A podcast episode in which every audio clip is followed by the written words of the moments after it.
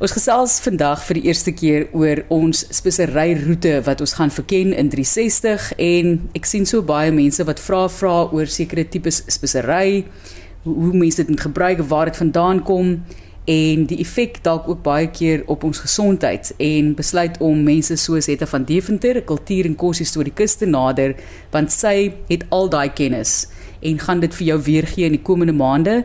Ons gaan dan daai speseryroete vandag net begin oor die geskiedenis van speserye. Dit is so 'n interessante wêreld het daar. Jy weet mense dink spesery word gebruik om kos lekker te maak en jy wonder altyd of te geur. Wonder altyd wie vir die eerste keer besluit om 'n sterrenhuis in 'n breedie te sit of 'n hoe dit ook al sê of neutmuskaat, daai klipharde ding te vat en vir hom fyn te rasper. So fyn dat jy nie aan hom hap nie, maar dat hy geur gee en geregte wat room gebruik en parmesaan gebruik so komplementeer. So is 'n baie baie interessante veld en ons weet in die geskiedenis ook baie omstrede, maar die geskiedenis van speserye kom dit alles van een plek af of ehm um, toer ons bietjie weier is dit. O nee, ons toer reg oor die wêreld. Maar die geskiedenis van speserye het 'n verskriklike belangrike rol te speel in die ontwikkeling van die mens. Want kos was 'n status simbool. Dit is eh, dis waarom al groot feeste gehou is en Ehm um, jy weet elke koning wou 'n beter feestafel gehad het en dis ook waar baie belangrike politieke besluite geneem is. So ehm um, ja as jy en jy kan jouself ook indink, sou jy nou 'n uh, Europeër wees wat nog nooit koffie of iets soos tabak of suiker geproe het of 'n uh, peper geproe het nie en hier kom hierdie eksotiese oosterse spesery aan. Dit kon jou lewe verander. Of as jy 'n antieke Egiptenaar was, en jy wou nou die ewige hiernamaals betree wat hulle mos nou in jou gebalsemde lyk, dan het jy kaneel of jy het 'n spesery nodig gehad om lekker te ruik en om te balsem en dink net hoe belangrik was dit in in, in die mensontwikkeling. Daaraan ook nou nog glad nie gedink nie. Ek dink nie aan kos, nie aan balsem en al daai tipe van dinge nie. Nee, kyk, ek en jy is op dieselfde bladsy. Ek dink ek sien alles altyd uit uit 'n kosoogpunt. Vir my loop die hele wêreld se geskiedenis uit 'n kosoogpunt. Maar jy weet, ehm um, ja, so ons definitief op dieselfde bladsy daar. So baie om oor te gesels, mense, ons gaan lekker toer, maar kom ons praat net oor die eerste gebruik van spesery. Is daar optekening daarvan?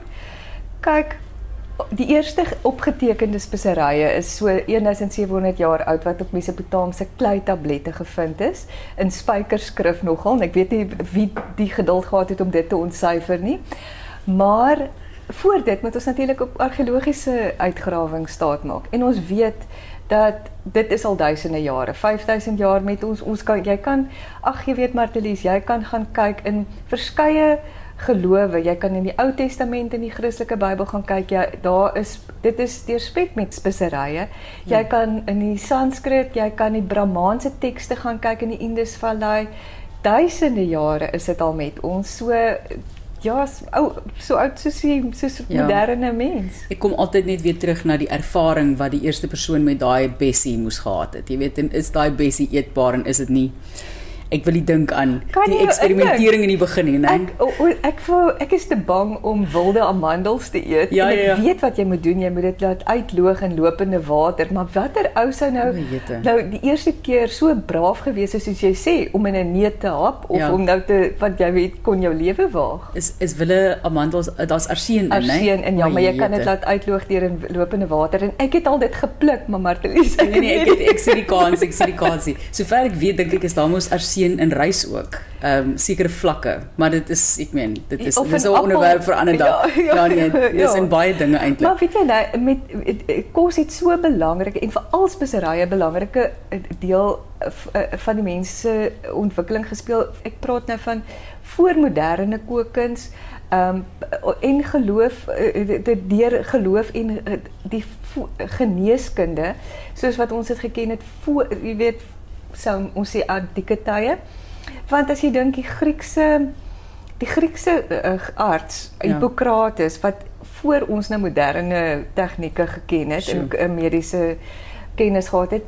Ons het mos alles gekoppel aan maar aan jou liggaam se liggaamsvloeistowwe. Hy het geglo daar's vier liggaamsvloeistowwe en daar's vier temperamente. So as jy nou so 'n bietjie melankolies gevoel het, dan het hy waarskynlik vir jou 'n pepertjie of 'n ietsie voorgeskryf om vir jou op te kikker. So as jy nou koud was, het hy vir jou iets warm om te eet. En speserye was so belangrik in daai tyd Sjoe. gewees. Ja. Ja, ek het nooit daarvan ge gehoor nie. Dis baie interessant. Vier liggaamsvloeistowwe en Temperamente. vier temperamente. Ja. Nou wil ek weet, maar ons moet ek dink ons moet 'n ander dag weer Ja. daarop gesels. Maar hoe weet ons al die vertel vir ons bietjie van waar dit opgeteken is? Tekste van selfs uh, boeddhisme. Ja, kyk, ek is nou nie 'n uh, argeoloog nie, maar um, in die Indusvallei is daar opgeteken in van die eerste Brahmaanse tekste.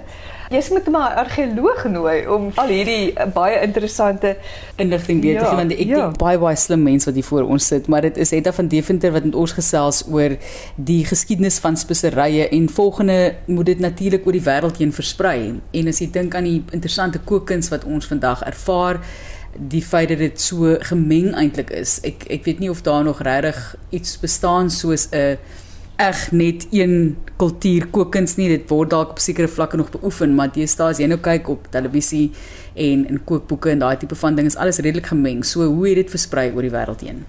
O, dis vir my altyd so lekker. Ek weet uh, toe ek 'n kind was, het ek so graag die uh, stories, die Arabiese stories, die die kinderweergawe van die duisende een nagte gelees. Ehm um, maar dit was maar die Arabiere was gro grootliks verantwoordelik om die uh, speserye aan ons westerse kookkuns wat ons nou waarop ons kookkuns in Suid-Afrika baie geskoei is, bekend te stel want hulle was so perfek geleë. Hulle was in die middel tussen Europa en tussen die oosterse speserye. Nou baie van die speserye het gegroei in die Middellandse See, het in die Iran, Irak, daai areas gegroei. Hulle was bekend om komyn, uh, koriander, jy weet, maar dan is daar daai ek, ander eksotiese speserye so subtropiese gemmer, sterranhuis, daar wat uh, peper wat uit die ooste uitgekom het. Maar die Arabiere het kyk, hulle het 'n baie floreerende besigheid gehad en ek dink ons almal ken die stories van hoe hulle met die karavane, kamele geloop het. Um, maar kyk, hulle het daai roetes nou streng geheim gehou. En hulle het verskriklike stories uit jy dis wat vir my so lekker was. Byvoorbeeld, hulle het ges, um, stories versprei soos dat kaneel in baie bergagtige dele gegroei het en dan is dit deur groot voëls met hierdie stokkies na hulle is na hulle neste gedra om nou eh, neste te bou. Ja. En dan was die Arabiere nou kamekastig so slim dat hulle nou die voëls gelok het met groot karkasse van donkies of perdevleis en die voëls het die donkies kom haal, opgeneem na hulle neste toe en dan val dit nou af want dit is so swaar en dis hoe hulle dan nou vinnig die stok kaneelstokkies bymekaar gemaak het. En gewonder, jy weet dit was so duur en dit, dit onbekostigbaar en net beskore vir die rykes nie, maar hulle het Ja. hierdie handelsroetes streng streng geheim gehou.